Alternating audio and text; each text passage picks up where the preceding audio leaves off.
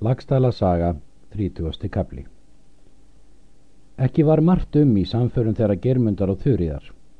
Var svo að begja þeirra hendi. Þrjá vetur var germundur með Ólafi áður hann fýstist í brott og lísti því að þurriður myndi eftir vera og svo dóttir þeirra er gróa hétt. Sú mær var þá vetur gömul. En fíu vill germundur ekki eftir leggja. Þetta líkar þeim maðgum stór ítla og segja Ólafi til en Ólafur mælti þá. Hvað er nú Þorgerður? Er auðsmaðurinn eigi jafn stórlátur, nú sem um hausti þá er hann bað því magðarinnar? Komu þar enga á leið við Ólaf því að hann var um alla hluti samningar maður. Hvað og mei skild eftir vera þar til er hún kynni nokkurt farnað. En að skilnaði þeirra germundar gaf Ólafur honum kaupskipið með öllum reyða. Germundur þakkar honum vel og saði gefið all stórmanlega. Síðan býr hann skipið og syklur út úr lagsarósi, léttan landnýrðing og fellur veðrið er til koma út að eigðum. Hann liggur út auksni halvan mánuð svo að honum gefur eigi brott. Í þennan tíma átti Ólafur heimannför að annast um reka sína. Síðan kallar þurjur dóttir hans til sín húskarla, bað þá fara með sér. Hún hafði og með sér meina. Tíu voru þau saman. Hún lætur setja fram ferju er Ólafur átti. Þurriur bað þá róa eða sigla út eftir kvansvirði. Og er þau koma út að eigum bað hún þá skjóta báti útbyrðis er stóð á ferjunni.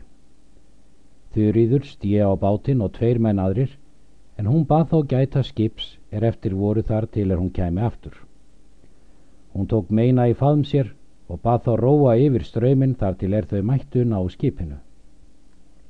Hún greip upp nafar úr stablokkinu og seldi hendur förnöyt sínum öðrum bað hann ganga á knarrarbátinn og bóra svo að ófær væri ef þeir þyrtu skjótt til að taka.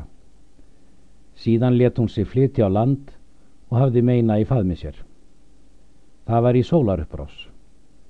Hún gengur út eftir bryggju og svo í skipið. Allir menn voru í svefni. Hún gekka húðfati því er geirmundur svafi, sverðið fótbítur hjekk á nikkistafnum. Þurriður setur nú meina gró í húðfatið en greip upp fótbít og hafði með sér. Síðan gengur hún af skipinu og til föruneyta sína. Nú tekur mærin að gráta. Við það vaknar girmundur og sest upp og kennir barnið og þykist vita af hverjum rifjum vera mun. Hann sprettur upp og við þrýfa sverðið og missir sem von var, gengur út á borð og sér að þau róa frá skipinu. Girmundur kallar á menn sína og bað þá hlaupi í bátinn og róa eftir þeim. Þeir gera svo og er þeir eru skamt komnir þá finna þeir að sjár kolblár fellur af þeim, snúa nú aftur til skips. Þá kallar geirmyndur á þurriðu og bað hann aftur snúa að fá honum sverði fótbít, en takk við með þinni og haf hérðan með henni fér svo mikið sem þú vilt. Þurriður segir, þykir þér betri en eigi að ná sverðinu? Geirmyndur svarar, Mikið fél læti annað áður en mér þykir betra að missa sversins. Hún mælti, þá skaltu aldrei fá það.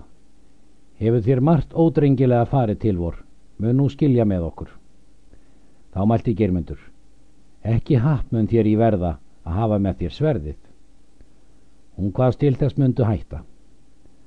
Þá læti ég þá um mælt, segir germyndur, að þetta sverð verði þeim manna að bana í yðvari ætt er mestur er skaði að og óskaplegast komi við. Eftir þetta fyrir þurjur heim í hjarðarholt. Ólafur var og þá heim komin og let lít yfir hennar tiltekju en þó var kyrt. Þurriður gaf botla frænda sínum sverði fótbít því að hún unnu honum eigi minna en bræðrum sínum. Bar botli þetta sver lengi síðan. Eftir þetta byrjaði þeim germundi, sigla þeir í haf og koma við Noregum haustið. Þeir sigla einni nótt í bóða fyrir staði. Týni skermyndur og öll skipshöfn hans og líku þar frá germyndi að segja.